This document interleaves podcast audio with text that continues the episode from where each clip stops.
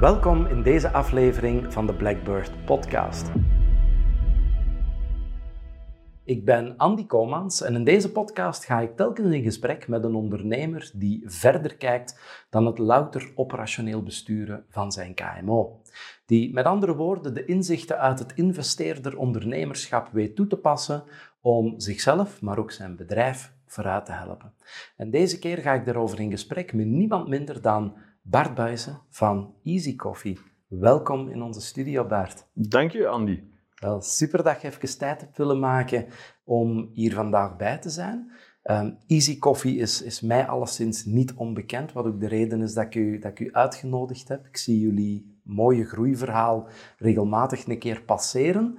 Um, maar voor de mensen die jou nog niet kennen, wie is Bart Buijzen en, en wat is Easy Coffee? Wel, Easy Coffee is het bedrijf wat ik um, een kleine vijf jaar geleden heb opgestart um, uh, met een koffietruck, vintage koffietruck, onder de brug aan het station van Izegem begonnen met kwaliteitskoffies te verkopen. Uh, en wat inmiddels uitgegroeid is tot de grootste Belgische koffiebarketen met 13 outlets verspreid over Hans Vlaanderen. Oké. En, en je hebt wel een heel andere achtergrond, hè Bart? Want uh, het, het, mooie aan jouw verhaal is, denk ik, je hebt op een bepaald moment uh, de gouden kooi opengebroken en uh, de vleugeltjes uitgeslagen. En het, het linkt dan ook nog met de sector, hè, want je hebt een, een goede twintig jaar carrière gemaakt uh, en, en stevig carrière gemaakt, ook in het buitenland, in een grote corporate structuur, bij Lufthansa, bij een grote airliner. Um, om dan op een bepaald moment te zeggen en nu laat ik dat volledig achter mij. Het is nu of nooit. En ik ga in een koffietruck staan. -hmm.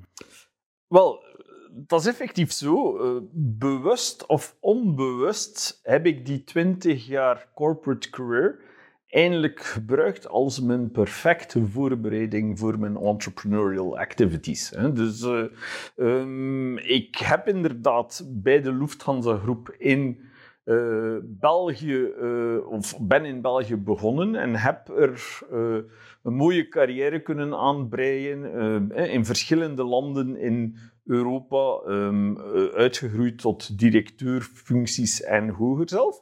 Tot op het moment dat ik op mijn 43ste zei van oké, uh, ik ben heel trots op wat ik allemaal bereikt heb in die corporate business. Airline business is my passion. Ik hou ervan, zeker van het reizen. Um, maar um, ik ja, heb het ook wel een beetje gehad met de corporate aan zich.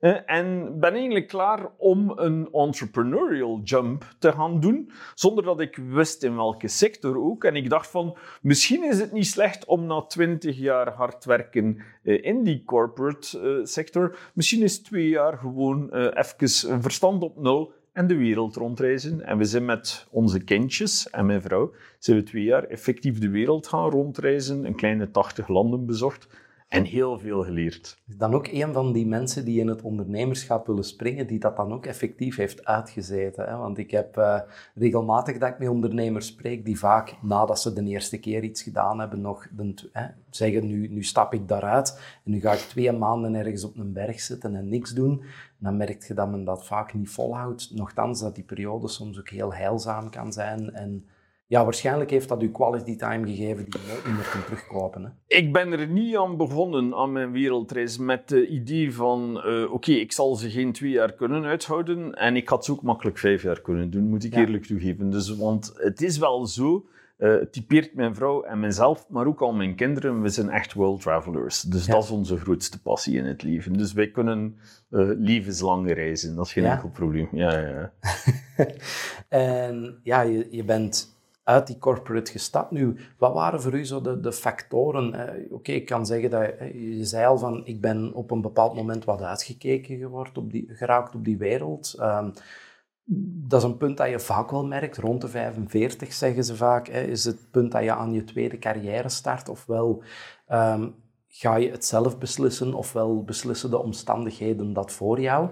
Uh, welk van de twee was het bij jou een beetje? Um, 100% zelf beslissen. Ja. Dus ik zat nog echt wel in de groei van mijn carrière. Ik had nog mijn hoogtepunt niet bereikt.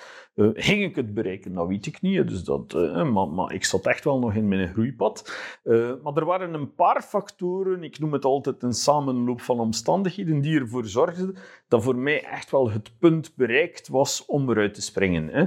Um, eerste punt, ik had net twee kleine kindjes, dus vader geworden. Hè, en ik stelde ook vast dat het vele rondreizen, de business trips, ja, mij als ja, jonge familieman, jonge vader toch wel uh, negatief begonnen te beïnvloeden. Hè. Uh, tegelijkertijd de grote tanker, multinational, 120.000 employees, die telkens zo traag draait of weinig flexibel is, daar had ik het even toch ook mee gehad. Hè. Dus en ik wou klein en fijn gaan beginnen, maar met speedboat. Uh, je bent dan waarschijnlijk ook wel een van die weinige ondernemers die kan zeggen: Ja, ik ben in het ondernemerschap gesprongen om meer tijd met mijn kinderen te kunnen doorbrengen. En dat is gelukt uit de sector waaruit dat je komt met al het reizen zal dat waarschijnlijk een van de zeldzame passages zijn. Ik moet eerlijk toegeven, als ik mij voor een project commit, dan ben ik echt wel committed. Hè. En in de corporate sector heb ik dag en nacht gewerkt. En, en dat heeft er ook voor gezorgd dat ik een mega eh, interessante carrière heb kunnen uitbouwen.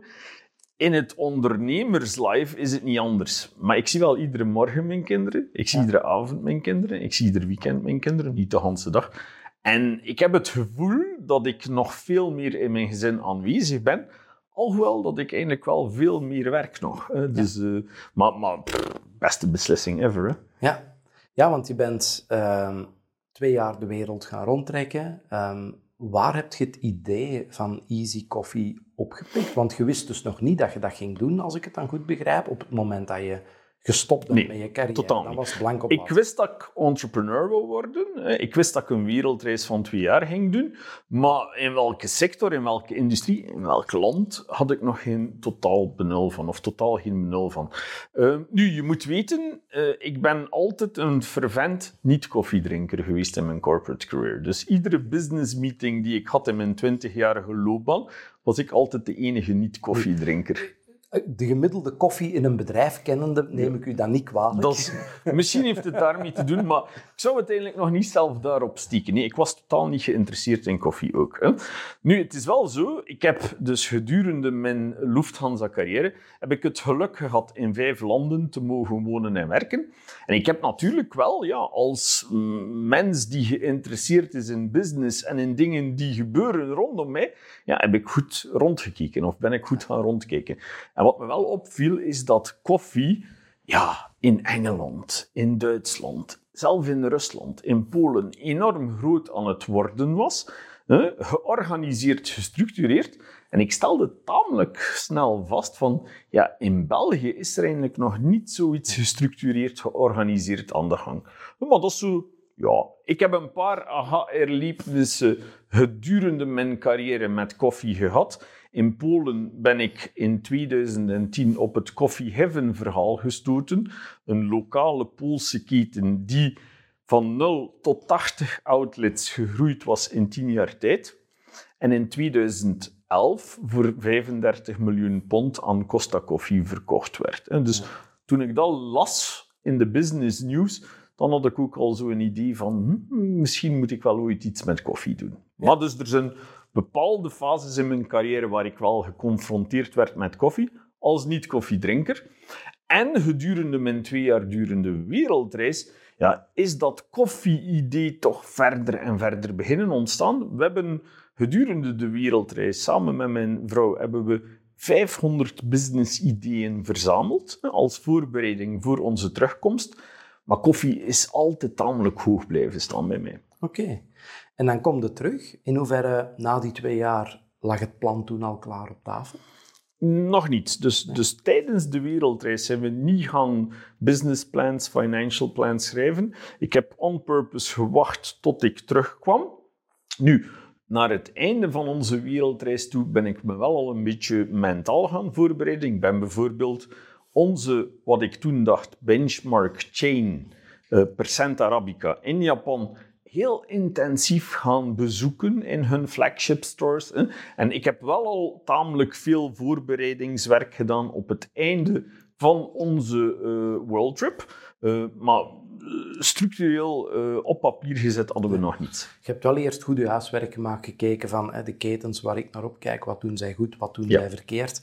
En vandaar heb je dan een stukje je, je winnend onderscheidend vermogen bepaald. En daar zijt je dan na terugkomst nog een paar maanden mee bezig geweest, neem ik aan. En dan ben je gestart, zoals je het al zo mooi verwoordde. Hè. Je hebt een ambitieus businessplan, je hebt een financieel plan opgesteld, je hebt al die zaken gedaan. Um, je hebt een vintage koffietruck, je zet die onder een brug aan het station in Izegem en dan doe je een eerste dag en je verkoopt vijf koffies. Ja, even uh, terug met de voetjes op de grond. Hè. Dus, uh, uh, doordat ik uit de corporate sector kom en echt wel heel methodisch, strategisch bij een Duitse firma heb leren meerwaarde georiënteerd werken, dan kan ik tamelijk snel een, een geolied businessplan maken, een, een sterk onderbouwd financieel plan. Dus uh, enkele weken aan gewerkt, ook al de bank meegekregen, de initiale fase met PMV uh, eindelijk op, op, op plan gezet. En dan zeggen we van, oké, nadat we de koffietruck gekocht hebben en laten uitrusten hebben met ja, hoog kwalitatief materiaal, uit de koffiesector zeggen we, en nu gaan we vlammen. Hè. Dus je zei dat wel direct gestart. Er was al eigenlijk een financieringsronde afgesloten op het moment dat je met Easy Coffee gelanceerd Het is zo, uit mijn corporate career had ik natuurlijk gelukkig, uh, uh, ondanks een dure twee jaar uh, durende wereldreis, had ik wel nog wat financiële middelen kunnen overhouden. Dus ik had een startkapitaal van 50.000 euro. Ja. En ik ben met mijn businessplan tamelijk snel door de bank geaccepteerd geweest, alhoewel die tijd ook horeca al serieus red flagged was, heb ik de bank kunnen overtuigen om eh, op basis van een banklening van 55.000 euro eh, de vintage koffietruck met uitrusting te gaan funden. Dus dat, dat, was al gelukt voor we gestart waren, op basis van het businessplan en het sterk onderbouwde financiële plan. Ja. Hm? Maar dat moesten we in de praktijk gaan omzetten natuurlijk. Hè? Want we, we, hadden een, een PMV-case al in gedachten gezet om die eerste shop te openen, maar wat is nog niet gefinaliseerd. Ik wil daar toch nog even op de pauzeknop drukken en even in repeat gaan. Dus je bent gestart met een horeca-concept om al direct 50% van het kapitaal via een bankfinanciering bij opstart uh, ik wil dat toch nog eens even gezegd hebben voor iedereen die ik nog eens tegenkom uh, als ondernemer die zegt, ja, maar de bank gaat nooit mee in de horeca. Uh, want ja, jij bent één voorbeeld, maar er zijn wel degelijk goede voorbeelden. Dat als je vandaag een goed businessplan, een goed onderbouwd financieel plan, als je zelf skin in the game hebt om te zeggen van kijk, ik heb er ook mijn centen in gestoken en je hebt ofwel je goed omringd, ofwel heb je juiste expertise om het, om het te kunnen laten slagen, dan gaat er wel kans hebben. En er moet ergens ook een vernieuwende, innovatieve uh, factor in zitten. Hè. Dus ik heb tamelijk snel aan de bank gezegd, ik wil de koffiebarketen van België worden. Hè. Dus uh, ja. die bestond nog niet. Hè. Dus heel kritisch ontvangen bij veel mensen, bij verschillende banken. Het was niet mijn eerste bank die ik bezocht had, die meesprong in ons verhaal. Maar um, heel veel kritiek, heel veel uh, uh, negatieve feedback gekregen. Uh, maar dat is oké, okay. dat is normaal in het leven. Ja. Hè? En daarmee moet je kunnen omgaan. Hè? En uh, ja, nee, de, de, de bank waarmee ik nu nog altijd uh, mee in zee uh, ben en, en die mijn huisbank geworden is, die heb ik tamelijk snel kunnen overtuigen en, en die zijn dan ook snel meegegaan in het verhaal. Ja, ik denk dat dat een hele belangrijke is dat je in het begin, als je met externe financiering gaat werken, ja, je moet goed tegen de nee's kunnen, is een learning daaruit. Maar een tweede is ook, ja, blijf wel geloven in je eigen verhaal. Want uh, het, het, zijn vaak de, de meer risicoschuwe partijen. En dat is altijd de crux, vind ik, op, op succes. Hè. In het begin, op het moment dat jij zegt, ik ga de wereld veroorloven, gaat iedereen zeggen, ja, maar we zullen wel eens een keer zien. En iedereen gaat u proberen in de grond te praten. En op het moment dat het voor u de normaalste zaak van de wereld is en dat je denkt, ga, misschien moet ik het zelf niet meer zo hard van de daken roepen, uh, dat is het moment dat je wel dat vertrouwen in de markt gaat mm. krijgen. ik durf zelf zeggen, veel mensen uit mijn omgeving zagen mij en ons waarschijnlijk heel graag op onze bek gaan zelf. Hè? Dus, Ja, maar ik vind dat niet erg. Ik en vind dat motiverend. stappen, hè? want waarom Ja. zouden we nu een carrière in de corporate, Ja, die goed betaald wordt, neem ik aan, ehm, gaan opgeven om, om dan in zo'n verhaal te Mhm. starten? Ik ben door velen zot verklaard. Eh, en ik heb ook wel wat vrienden verloren door mijn ondernemerspad. Maar uiteindelijk ja, ehm, is dat niet zo erg voor mij, want ik ben ervan overtuigd dat wat we aan het opbouwen zijn, en dat weet ik echt al van dag één, ja, dat dat ongelooflijk veel potentieel heeft. Kijk, ehm, het is een quote die ik regelmatig gebruik, maar ooit is het grootste risico in ondernemerschap. En ik denk op het moment dat je voelt van het kriebelt, ik moet daarmee vooruit, dan moet je springen. Is dat. Springen, doen, omzetten, fouten maken, veel fouten maken. eh, en eh, ja, er eh, zoveel mogelijk uit leren natuurlijk. hè. Ja, want dat hoor ik je ook graag zeggen. Hè? Het feit dat je dat zo open en eerlijk durft te benoemen. Van ja, ik had een heel goed plan. Het was allemaal financieel doordacht. En dan gaat de, die eerste dag in, de wereld komt op je af. En ineens blijkt dat die wereld geen 150, maar, 50, eh, maar 5 koffies Ja. zijn op een dag. Ja, ik denk als je morgen niet je challenge krijgt, dat je in je eerste jaar een aantal keren serieus aan het stuur moet draaien om het te veranderen en, en nog eens bij te sturen, dan denk ik dat je businessmodel niet Mhm. genoeg gechallenged is. Ik stuur iedere dag nog bij. Hè, dus, en ik eh, doe niets liever dan op mijn bek gaan. Omdat ik weet, ja, het doet pijn. eh, eh, hou ik van de pijn. Ik weet het niet dat het daarom is. Maar de learning curve is tien keer groter daarna Ja. ook. Hè. En, en eh, in het voorbeeld van ja, die eerste operationele dag onder de brug aan het station van Isegem, met een eh, enorme funky vintage coffee truck. Ja, blijkbaar niemand echt in geïnteresseerd. Vijf koffie- koffies verkocht. Ondanks het feit dat in mijn businessplan werkelijk staat dat ik de eerste dag 100 koffies zal verkopen, Ja. ben ik even, ja, misschien iets trager naar huis gereden met mijn koffietruck dan ik eh, normaal zou doen. Eh, en, en dan aan mijn vrouw gaan zeggen van, ja, mm, ja het was niet zo succesvol, vijf. Eh, ik, ik, ik heb me niet zo goed gevoeld die eerste avond. Snap ik. Maar de volgende morgen ben ik met enorm positieve spirit er weer naartoe gegaan. En Ja. ik heb gezegd van, oké, wat gisteren niet gelukt is, zullen we vandaag doen lukken. En, en na twee weken zaten we aan 150 koffies per dag. Ja. Ehm, en dat is eigenlijk ja, het mooie begin van Easy Coffee. En wat Easy Coffee ook nog altijd typeert in Hans ons ondernemersverhaal is... Wij hebben een fantastische bounce-back ability. Mhm. Eh, als echte boxers liggen we tamelijk veel op het canvas. Ja. Maar we houden er wel van, van op Maar het zoekt- canvas je te zoekt lachen. dat op. Ja. ja, we houden ervan. Want het mooie eraan is, je kan altijd weer opstaan met een big smile, met een positieve mindset, met een positieve spirit. En wij zeggen van, kijk, door op het canvas te liggen, hebben we weer een paar nieuwe dingen geleerd. Hè? Fouten die we niet meer zullen maken. En we gaan er weer tegenaan. En het belangrijkste is die big smile. Dus wij zijn zo positief, zo optimistisch qua mindset, omdat we in ons verhaal geloven. Ja. Nu, komt misschien iets te veel vanuit eh, de, de marketingkant als ik dit voorbeeld geef, maar dat is een, een voorbeeld dat ik regelmatig een keer geef, is om dat op hetzelfde concept aansluit.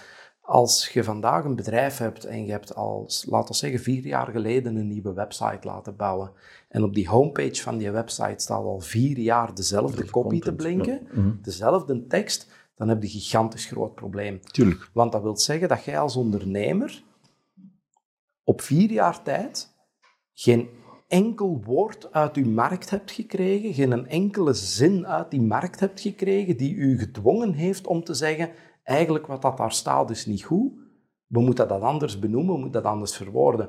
Wij hebben het ook meegemaakt. Hè. Ik ben vanuit een boek ben ik met Blackbird heb ik de juiste mensen rond de tafel, hebben wij onder vernoten gezegd, we gaan dit samen doen, want ik had absoluut geen goesting om er alleen aan te beginnen. Mijn boek gaf een beetje het goede platform, hè, Sell Your Baby, en we dachten, we gaan dat direct in een opleiding gieten om mensen vroegtijdig te laten nadenken over aandeelhouderschap en noem maar op. En dan gaat het daarmee de markt op. En dan hoorde direct twee zaken terugkomen. Sell your baby, ik wil dat wel doen, maar ja, als dat factuur bij mijn medewerkster komt, dan gaat hij denken dat ik, dat ik mijn bedrijf ga verkopen en dat, ja, daar heb je die Vlaming dan weer. En dan seminar heeft toch ook niet altijd de beste connotatie, want dan Mhm. denkt men direct dat men op de stoel moet gaan staan en, en, en, en beginnen applaudisseren en dansjes beginnen doen. en dat is ook absoluut niet waar ik, waar ik, waar ik mee bezig ben. Dus, maar dat zijn wel dingen, waar voelde dat? Ja, bij u zal dat zijn aan het doorgeefluik van uw koffietruck. Eh, in onze structuur was dat de salesmensen die op de baan gaan, maar die een dialoog naar de kern van uw bedrijf brengen en dan uw businessmodel daar keer op keer durven challengen, is, is gewoon cruciaal. En ik merk dat zoveel ondernemers, die laten het daar echt gewoon liggen. Hè? Natuurlijk.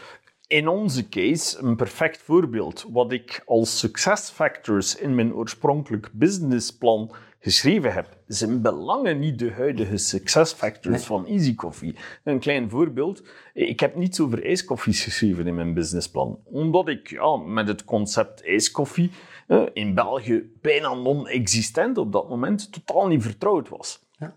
Onze zomers zijn onze beste maanden, onze beste verkoopsmaanden bij Easy Coffee. Gewoon door het feit dat we excelleren in ons ijskoffieproduct. En we doen 80% van onze omzet in de zomer met ijskoffies. En dat is onze main success factor. Had ik totaal niet beschreven in ons Nee. businessplan.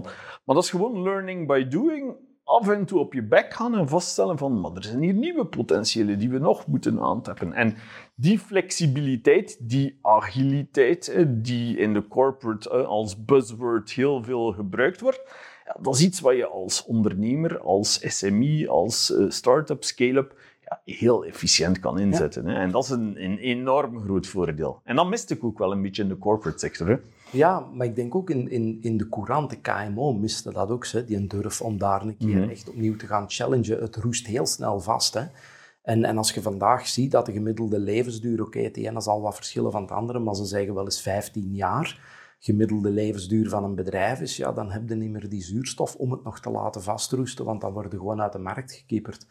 Ehm, wat is volgens u dan vandaag als je zegt, oké, easy coffee, hè, want je bent wel aan een moedig verhaal begonnen om te zeggen, we, we gaan hier eens even, wie staat er in onze markt? Ja, dan kijkt al heel snel naar de Starbucksen van deze wereld en dan zegt je, ah, we, gaan die mannen hun markt hier in België eens een keer afpakken. En daar, daar komt het Ja. eigenlijk op neer.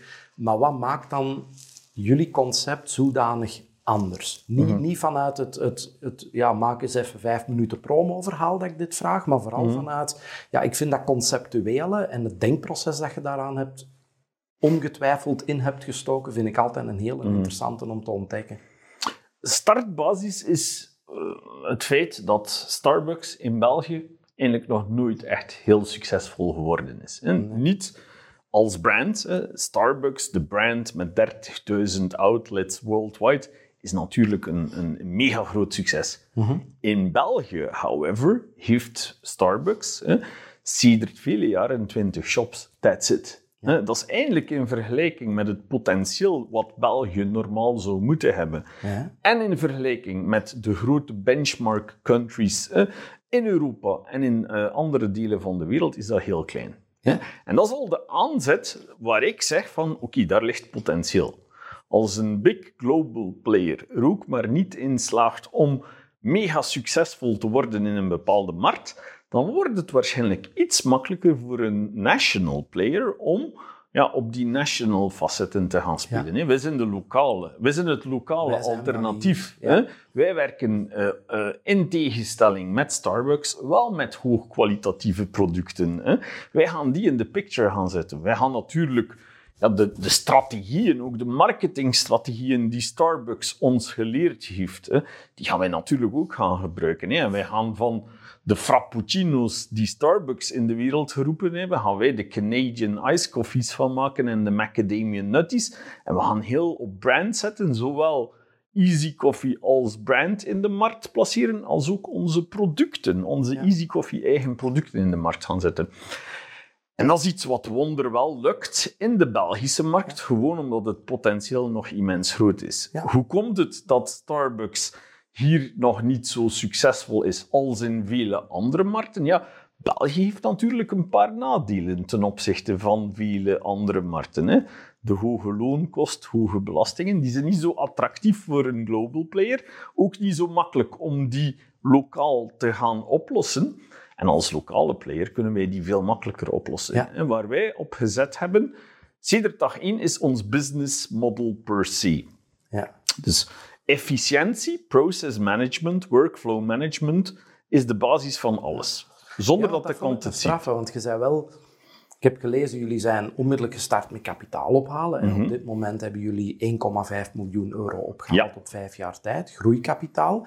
Toch lees ik ook heel frequent, als ik zo eens even een aantal artikelen doorlees, vanaf dag 1 lag bij ons de focus op rendabel zijn, Ja. op Ja. rendabiliteit. Ja, dus ik, ik wist van, oké, als ik nu in de horeca, als niet-horeca-specialist, een concept uit de grond stamp, dan kan het niet zo zijn dat ik heel veel mensen zal nodig hebben om dit concept ja, te laten succesvol zijn. Want die mensen in België die kosten ongelooflijk veel. De loonkost in België is de hoogste in heel de Ah, wereld. Wel, dat wou ik ook nog te Ja. vragen, maar hoe heb je dat dan opgelost? Want dat is de grote druk in veel horecazaken toch ook wel. Is, is de personeelskost, is de, de mate waarin dat een zaak ook geopend moet zijn, beschikbaar moet zijn voor klanten. Eh, maar dat is geen evidente om, om, om alleen al dat verhaal naar een rendabiliteit te trekken. Dat is misschien mijn voorbeeld, of mijn voordeel uit de corporate sector komend, specialist in process management, change management. hè. Van in het begin heb ik ervoor gezorgd dat onze workflows, onze processen, zo efficiënt waren dat we niet enkel met één barista 100 koffies per dag kunnen verkopen, maar ook 500 koffies per dag. En het is zo in onze flagship stores in de grote steden, zoals Antwerpen, op de Meer, by the way, hè, de Lange Munt in Gent, Leuven, Mechelen, Oostende, Kortrijk, gaan wij op topdagen met één barista 500 koffies per dag gaan verkopen. En dat is benchmark in de Belgische foodservice. Ja. Ehm, ik hoor u graag zeggen, baristas, wat, wat toch ehm, het, het mooie woord is van iemand die zeer goed opgeleid is om de perfecte koffie te kunnen serveren. Eh, ik zie daar ehm, competitieve arbeidsmarkt, ik zie daar war for talent, ik zie daar die mensen lopen niet dik. Ik zie daar jonge start-up die zich nog moet bewijzen. Zeker in het, nu met 13 coffeeshops, koffiebars is dat net iets anders. Nog opletten wat ik hier zeg. Hè. Eh, is dat net iets anders? Ja, voor alle Nederlanders die luisteren, een koffieshop in Vlaanderen betekent iets anders dan in Amsterdam. hè. Maar eh, voor, eh, in het begin heb je daar ook natuurlijk nog een stukje jezelf te bewijzen. Dus ja, hoe trekt je dat talent naar u toe? Hoe heb je dat, en hoe trekt je dat rendabel? Hoe heb je dat aangepakt? Wat misschien wel een van de meest ingenieuze dingen van in het begin eh, was die we gedaan hebben, is we hebben direct een Easy Coffee Barista Academy uit de grond gestampt. Hè? En we wisten van, we gaan hier niet baristas stelen van andere concepten, maar we gaan mensen van de straat halen die interesse in koffie hebben. Ik zeg altijd, die de sparkle in their eyes hebben. Hè? En we gaan die mensen gaan molden, we gaan die mensen gaan opleiden tot perfecte baristas. In een officiële Easy Coffee Barista Academy. eh, als de mensen bij ons voor het examen slagen, krijgen ze een Specialty Coffee Association Certificate, wat wereldwijd aanvaard wordt in de beste koffiebars. Dus kunnen ze per se eindelijk met dat certificaat overal ter wereld als barista aan de slag. Maar tegelijkertijd heb je die mensen wel ehm, een nieuwe carrière laten ontdekken. Tuurlijk. Je hebt die mensen vleugels gegeven. Allemaal. Ik, ik, de quote komt mij niet meer tot de geest, maar eh, ik denk dat het Sir Richard Branson was die zei van ehm, train people well enough so they can leave and treat them well enough so that they won't leave. Hè? Maar, dat principe voel ik hier heel sterk in terug. Tuurlijk. Van, je doet er alles aan om die mensen op het punt in hun carrière te krijgen dat die zouden kunnen zeggen morgen, Bart, dank u, toedeloe, eh er gaat hier een beetje verder een Starbucks open en die geven mij 2 euro per euro, 2 euro per uur meer. Ehm, maar tegelijkertijd denk ik dat je daarmee iets gedaan hebt waarmee dat je die mensen vanuit een enorme loyaliteit aan u als persoon en als bedrijf aan het binden bent. En dat je vanuit meet af aan een carrièreplanning kunt gaan opmaken over die mensen. Dus, dus een, een certificaat of een opleiding in de Easy Coffee Barista Academy heeft een waarde van 1000 euro. Onze mensen moeten dat niet zelf betalen. Wij betalen dat voor hen. Ja. En dat schenkt al een loyaliteit die ongelooflijk is. De meeste mensen appreciëren dat. We hebben tientallen verhalen van mensen die... Ge- geen, geen clausules daarachter van, ja, maar Nee. dan moeten we wel drie Nee, jaar hier nee, blijven om... Nee, nee, on purpose, on purpose. Er zijn mensen die de Academy gedaan hebben en die direct aan de slag gegaan zijn in een andere koffiebar. Bounce back ability, daar moet je jou boven stellen. Dus eh, ik wil daar geen mensen ongewild aan ons binden. Ik heb mensen nodig die sparkle in their Ja. eyes hebben en die willen voor Easy Coffee meerwaarde brengen. En dat kan je enkel als je ja, 100% achter het concept staat, als je 100% begrijpt waarmee we bezig zijn. En eh, ja, ons team van ongeveer 50 mensen nu, is een, eigenlijk één voor één, stuk voor stuk mensen die die sparkle in their eyes hadden. Er zijn een paar mensen uit de training weggevallen, maar dat is perfect oké. Ik ben ook niet boos op die Nee. mensen. Dat is, ik heb hen een aanbod gedaan, ze hebben er gebruik van gemaakt en ik heb geen clausules vastgelegd, dus ze konden eh, weggaan. In het begin heb ik dus in, in de eerste trainings heb ik 75% mensen verloren. Hè? Maar die 25% mensen waren zo goed. Het zijn allemaal mensen die nu nog bij ons werken. Ook, hè? Na verloop van tijd zijn we naar 50% capture rate gegaan. Momenteel zitten we op 90, bijna 100%. Precies. Dus, en dat is natuurlijk. Dat is En natuurlijk. dat is iets dat je, dat je ook misschien ook wel weer een, een tandje voor hebt vanuit het, eh, vanuit het corporate gegeven. Ik denk dat iemand die vanuit die achtergrond in het ondernemerschap belandt, veel beter beseft dat een, een, een job is een, een tijdelijk engagement, hoe dat je het ook bekijkt. En ik stel heel vaak vast dat ondernemers die beginnen al vaak aan hun bedrijf vanuit het idee, ik ga dit doen tot op mijn pensioen, die vaak denken vanuit een... eh, ja, ik, eh, ik, ik, ik, ben, ik moet altijd de, de laatste rat op het schip zijn hè, die, die, die zou vertrekken, want anders zou ik als zeer disloyaal kunnen bekeken worden door mijn omgeving. Maar dat geeft u ook een zodanig vertekend beeld als je dat begint te projecteren dan nog eens op de situatie van uw medewerker, die het perfect normaal vindt dat je elke twee, drie jaar misschien wel eens een keer, ik heb mij onlangs door iemand in recruitment laten zeggen, de gemiddelde houdbaarheidsdatum is drie jaar blijkbaar in Vlaanderen. Ehm, er zitten enorme verschillen op van sector ook tot sector. Maar het is een utopie om te denken dat je die mensen tot in de oneindigheid misschien bij u gaat houden en dat je dat moogt verwachten van een medewerker. Ik, ik zag u heel mooi met uw ogen rollen toen dat ik zei, de ondernemer die tot aan zijn pensioen. Was uw visie daaromtrent? Wel, twee facetten. Ik zie het eh, eerst vanuit eh employee-standpunt zelf. Hè. Dus long-term bestaat niet in, eh, in, in, in werkgelegenheid voor Nee. mij. Hè. Dus long-term, dat is eh, a thing of the past. Mensen die 40 jaar voor een bedrijf werken, maximum respect, maar bestaat niet meer. Dat is gedaan, dat is done and dusted. En dat hoeft ook niet, want dat is ook goed. Hè. Dus eh, ik, ik eh, probeer mensen short en mid-term te begeesteren om bij ons te blijven. En ik kan dat doen door een mooi aanbod van training, van educatie en ook career opportunities. Ja. Dus we worden heel groot als bedrijf. Dus er ontstaan daar constant nieuwe mogelijkheden voor mensen om regelmatig van jobinhoud te wisselen. Want uiteindelijk, in mijn corporate career, heb ik ook nooit langer dan drie jaar dezelfde job gedaan. Ik, ik heb die challenge ook nodig. Dus, hè. Eh, en dat brengt ons tot de tweede eh, vraag natuurlijk als ondernemer. Eh, ik heb van in het begin een duidelijke exit strategy gehad. hè. Een exit strategy die enorm ambitieus is zelf. hè. Ehm, herhaal ik die dagelijks? Nee, maar ik weet, ik ken die exit strategy. hè. Ehm, eh, bereik ik dat punt twee, drie jaar later dan ik in mijn businessplan beschreven heb, is geen enkel probleem.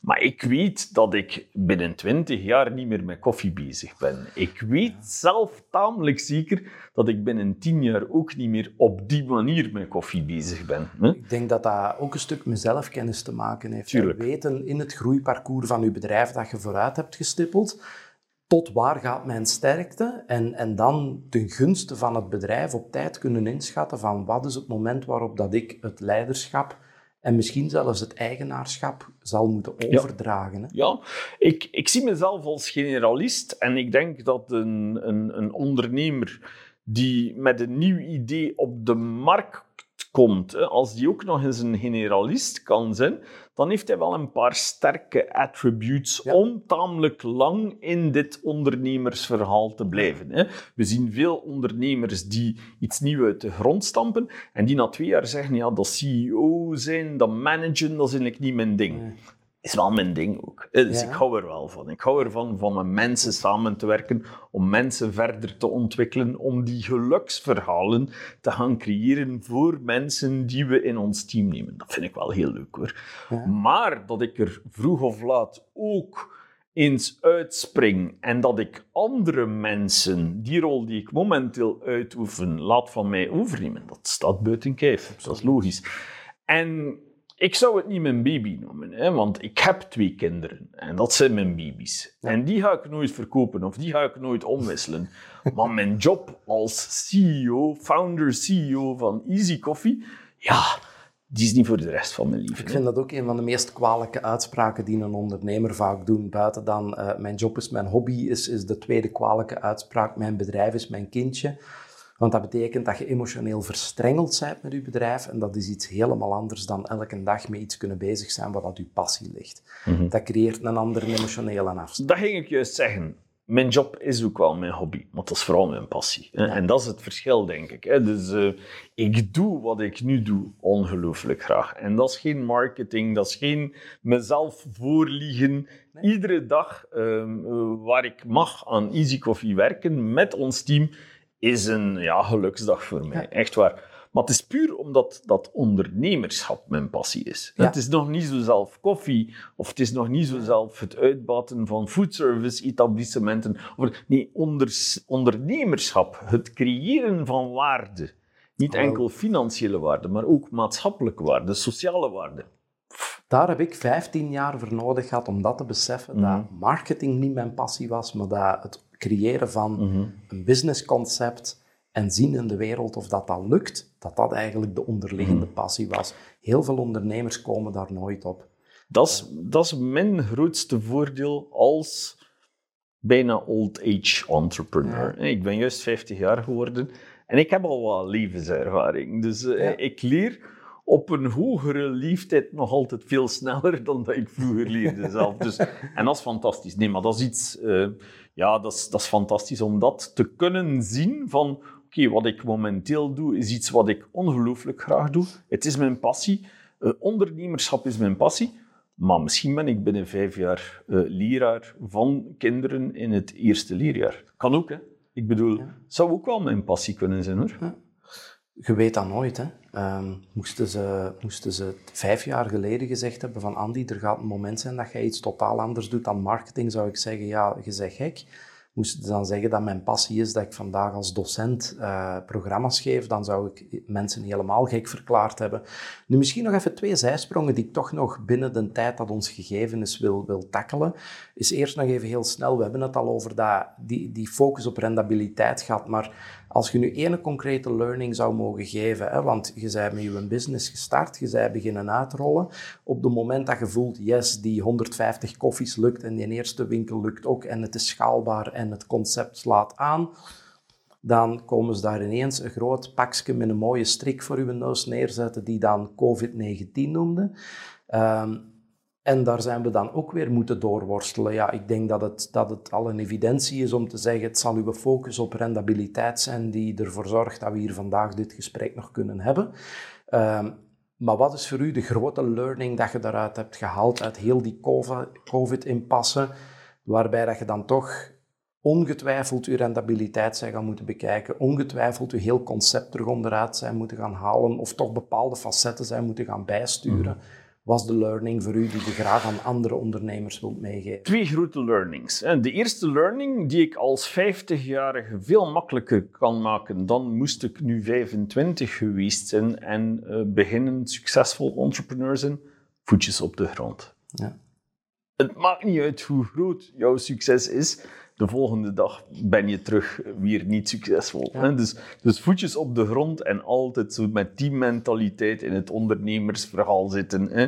Eh, vandaag kan succesvol zijn, morgen kan terug niet succesvol zijn. Dus, ik, weet, ik weet niet van wie de quote is, maar ehm, eentje die ik daar regelmatig een keer naar boven haal is... Uh, success is not owned, it's rented and the rent is due mhm, every day. Ja. By far, en, en dat is iets wat ik als 50-jarige veel makkelijker kan leven. Dus, dus ik hoef niet uh, echt wel iedere dag van de daken te schrijven dat ik succesvol ben. Ik ben voetjes op de grond, heel ambitieus. Ik schreef mijn ambities dagelijks van de daken. Maar mijn successen, uh, die laat ik gewoon onberoerd uh, zijn hang of hun hang Daar voortgaan. En, en, en, ja, ik, ik zou zelf zeggen van, uh, ik geniet er zelf nog niet van. Omdat, voetjes op de grond, want allemaal fragile. Allemaal fragile. En dat is het eerste. Het tweede is, ja, cliché as hell. Hè? Maar every crisis offers massive opportunity. Dus uh, wij zijn bij Easy Coffee groot geworden door de crisissen. Hoe meer crisissen, hoe meer moeilijke periodes, hoe meer wij gedwongen worden om oplossingen te zoeken. En dat is onze sterkte. Wij vinden oplossingen. Dus, uh, dus bij ons, en dat wisten we ook al hoor, dus van het moment dat COVID aankwam, wisten we van wij zullen dat als massive opportunity gebruiken en we zullen nog veel sneller groeien zelf. Ik denk als je, ook voor ons trouwens, hè, ik denk dat wij ook met Blackbird de, de, stokken die de, de, de economische crisis eind vorig jaar, begin dit jaar de, voor de voeten heeft geworpen, um, waar we oplossingen zijn voor moeten gaan formuleren in, in heel snel tempo, gelijk dat elk bedrijf dat heeft moeten doen, dat heeft een leercurve in gang gezet. Uh, ik durf nu met, met gerust hart zeggen, ik heb vijf jaar voorsprong genomen op, op de normale leercurve die wij hadden kunnen hebben. En ik denk dat dat min of meer de rekensom is die elk bedrijf wel zal maken. Als je die crisis die er geweest is nu hebt aangewend, dan moet je je leercurve, ik zeg niet groeicurve, maar bewust leercurve, enorm hebben kunnen versnellen. Ik zou het zelf zo bold durven zeggen, wij zijn klaar voor de volgende crisis. Laat maar komen. Ja, ja gechallenged uw model. Hè. Uh, misschien nog één, één, één puntje waar ik nog kort even over wil, wil, wil kijken, toch wel, is, hè, jullie hebben heel bewust die keuze gemaakt van, um, oké, we gaan meteen groeien met een stukje eigen inleg, die 50k, en dan gaan we dan aanvullen met financiering en noem maar op. Uh, jij bent nog altijd enige eigenaar vandaag van Easy Coffee? Of? Nee, nee. Dus we zijn gespecialiseerd geworden zonder voorkennis uh, in stapelfinanciering. Ja. Dus, en we hebben ja, die optimale financieringsmix zijn we van in het begin uh, gaan aantappen. en dat leidt ook to, tot het feit dat ik ook al af en toe eens aandelen verkocht heb, stelselmatig, gradueel, altijd meerwaarde genererend. En het is ook zo dat wij momenteel al aandeelhouders hebben kunnen aanbieden om aandelen te verkopen met uh, een winst van uh, 500 procent. Dus, dus dat is een optimale financieringsmix die we gebruikt hebben. Een mix van eigen kapitaal, ehm, bank, staat, PMV heel veel crowdlending, heel veel uh, uh, business angelschap, dus ja. het verkopen van aandelen, het werken met achtergestelde leningen vanuit de aandeelhouders. Dus een ja. prachtige stapel financieringsmix die er eindelijk voor zorgt dat je altijd meerwaarde genereert. Het, het verhaal van onder een extra aandeelhouders, investeerders stappen in, is een heel persoonlijke vraag die ik nu ga stellen. Je hoeft daar niet op te antwoorden als je niet wilt, maar heb je in dit parcours waar je zegt van ik heb al meerdere mensen laten toetreden in die aandeelhoudersstructuur, ik heb ook al een exitgelegenheid voor een aantal mensen die erin gestapt waren kunnen creëren, um, is Bart ondertussen ook zelf al eens een keertje langs de kassa gepasseerd, is zo'n lelijke beschrijving, maar is het alles voor de groei van Easy of heb je ook toch wel wel eens een keer een aantal zaken een beetje veiliggesteld in het, in het privé gebeuren? Um, ik ben al een paar keer langs de kassa gepasseerd, maar enkel om te leven. Ja. Ik betaal mezelf niets uit vanuit Easy Coffee, dus ik, nee. ik trek geen loon vanuit Easy Coffee. Ehm, en ik ga het grootste deel terug herinvesteren in Easy Ja. Coffee. Dus met, op basis van achtergestelde leningen dan. Dus, eh, en dat is- ons doel voor de volgende maanden en jaren ook. Ja. Dus, dus eh, eh, ik heb een tamelijk low-profile levensstijl. Dus, eh, Mhm. en het is niet de bedoeling om groot in eigen auto's en, en property te gaan investeren. Ik heb daar geen ambitie meer. There, done that. Ja, en meestal het feit dat Afgetikt. je daar niet van, eh, dat dat niet je motivatie is om je morgens uit bed te halen, zal de belangrijkste reden zijn dat dat vroeg of laat dan toch terug mogelijk wordt. Als, als expat eh, bij een grote multinational ben ik al rijk geweest. Ja. Interesseert mij nauwelijks, echt waar. Nee, wat, wat is daaruit de, de belangrijkste learning voor u geweest? Van, Ja, werken met passie. Dus ik, ik heb het geluk gehad dat ik ook in de corporate heel gepassioneerd kon werken. hè. Ja. Dus ik, ik ben echt wel gepassioneerd door luchtvaart, door het fenomeen reizen, het, het verkopen, het, het, het ervoor zorgen dat je altijd groeit, ook als corporate. Dus eh, ik heb dat geluk gehad, eh, maar dat is de belangrijkste component. Hoeveel ik daar dan financieel uit kan halen, interesseert me niet, echt waar. zal correct moeten zijn, maar Ja, maar pff, het interesseert me niet. Dus echt waar, ik ben er totaal niet mee bezig. Maar Mhm. ik wil natuurlijk meerwaarde creëren met mijn activiteiten. Ja, Zoals ik zei, eh, naast maatschappelijke en sociale meerwaarde is er ook de component financiële meerwaarde. Maar ik doe dat niet enkel voor mezelf. Dus ik heb het Voilà. geluk van nu momenteel nog ongeveer twee derde van Easy Coffee in eigen handen te hebben. ja. Maar ik ben al heel gelukkig dat ik die andere derde eh, enkel in mijn vriendenkring heb moeten gaan uitbesteden. Dus, En dat is, dat is een, een, ja, een, succesfactor. Ik laat eigenlijk heel graag mijn netwerk mee profiteren van de dagelijkse arbeid die wij als team in Easy Coffee steken. Ja. En heeft Behalve misschien ook iets nobel. die op dag één zeiden van nu hoop ik dat hij op zijn bek had. Nee, ik ben heel vergievingsgezind. Ik ben heel vergievingsgezind. En ik neem dat ook niemand kwalijk. Nee, echt nee. Ik zeg het, ik heb vrienden eh, verloren. Ik eh win ook soms vrienden terug. I don't care. Ik, eh, 50 jaar, echt waar. Heel veel liefdeservaring. absoluut. Ja, je komt elkaar vroeg of laat toch altijd terug tegen. Ja. Bart, als ik u vraag om het, om het interview af te ronden, om nog een laatste keer van de daken te schreeuwen, hè, want normaal gezien vraag ik van wat brengt de toekomst, maar ik ga bij u gewoon vragen van als je nog één keer uw ambities van de daken mocht Mhm. schreeuwen, wat, eh, wat voor Easy Coffee en Bart Buijsen in, in de komende jaren, wat Ja. gaat er nog gebeuren? Wel, ik zie eindelijk Easy Coffee als de Five Guys in de Europese koffiewereld. hè. Dus Five Guys, ik weet niet hoe vertrouwd je bent met het concept. Five Guys is hamburgerketen, hè, ontstaan in eh, 1986, ehm, Californië denk ik, hè, en heeft 15 jaar nodig gehad om naar vijf shops te groeien. Hm? Anno 2023 heeft Five Guys 1700 shops wereldwijd en is de leading quality burger chain eh, worldwide. En dat is, daar zie ik het potentieel voor Easy Coffee. Worldwide is misschien iets te ambitieus. Hè? We zijn al de eh, grootste koffiebarketen van Vlaanderen. We gaan heel snel de grootste koffiebarketen van België worden. Dat had ik als eindpunt in mijn oorspronkelijk businessplan geschreven. Ondertussen is dat al iets verder ontwikkeld. Uiteraard. Het is mijn ambitie om met Easy Coffee de grootste koffiebarketen van het West-Europese vasteland te worden. Ja. Dus Duitsland, een markt waar ik heel veel affiniteit mee heb door mijn 20-jarige carrière bij Lufthansa. Nederland, Frankrijk, Luxemburg, we're on our way. Ja, cool. In ieder geval, Bart, ik wil jou heel hard bedanken om, om hier zo'n open gesprek met mij te hebben. Eh, ik denk dat het eh, tijd is voor een goede koffie. Eh, Perfect.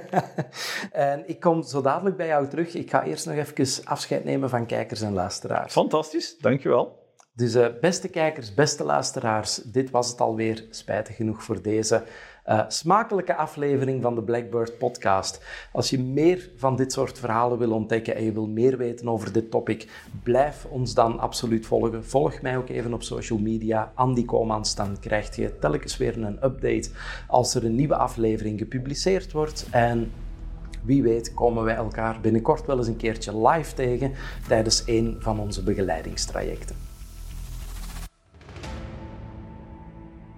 8 op 10 ondernemers met een succesvolle KMO slagen er nooit in om zichzelf los te koppelen van hun bedrijf.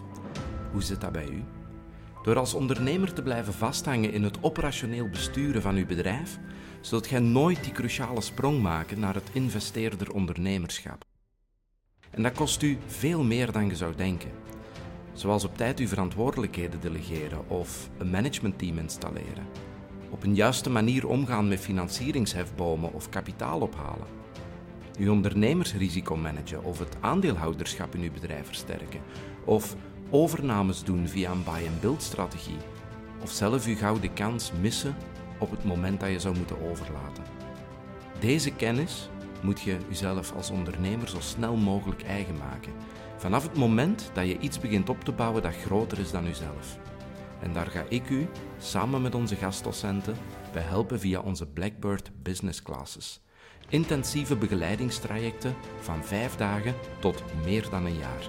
Specifiek op maat voor de KMO-ondernemer, waarbij we u heel diepgaande kennis meegeven, maar we ook tegelijkertijd samen de strategie zullen uitwerken voor uw bedrijf.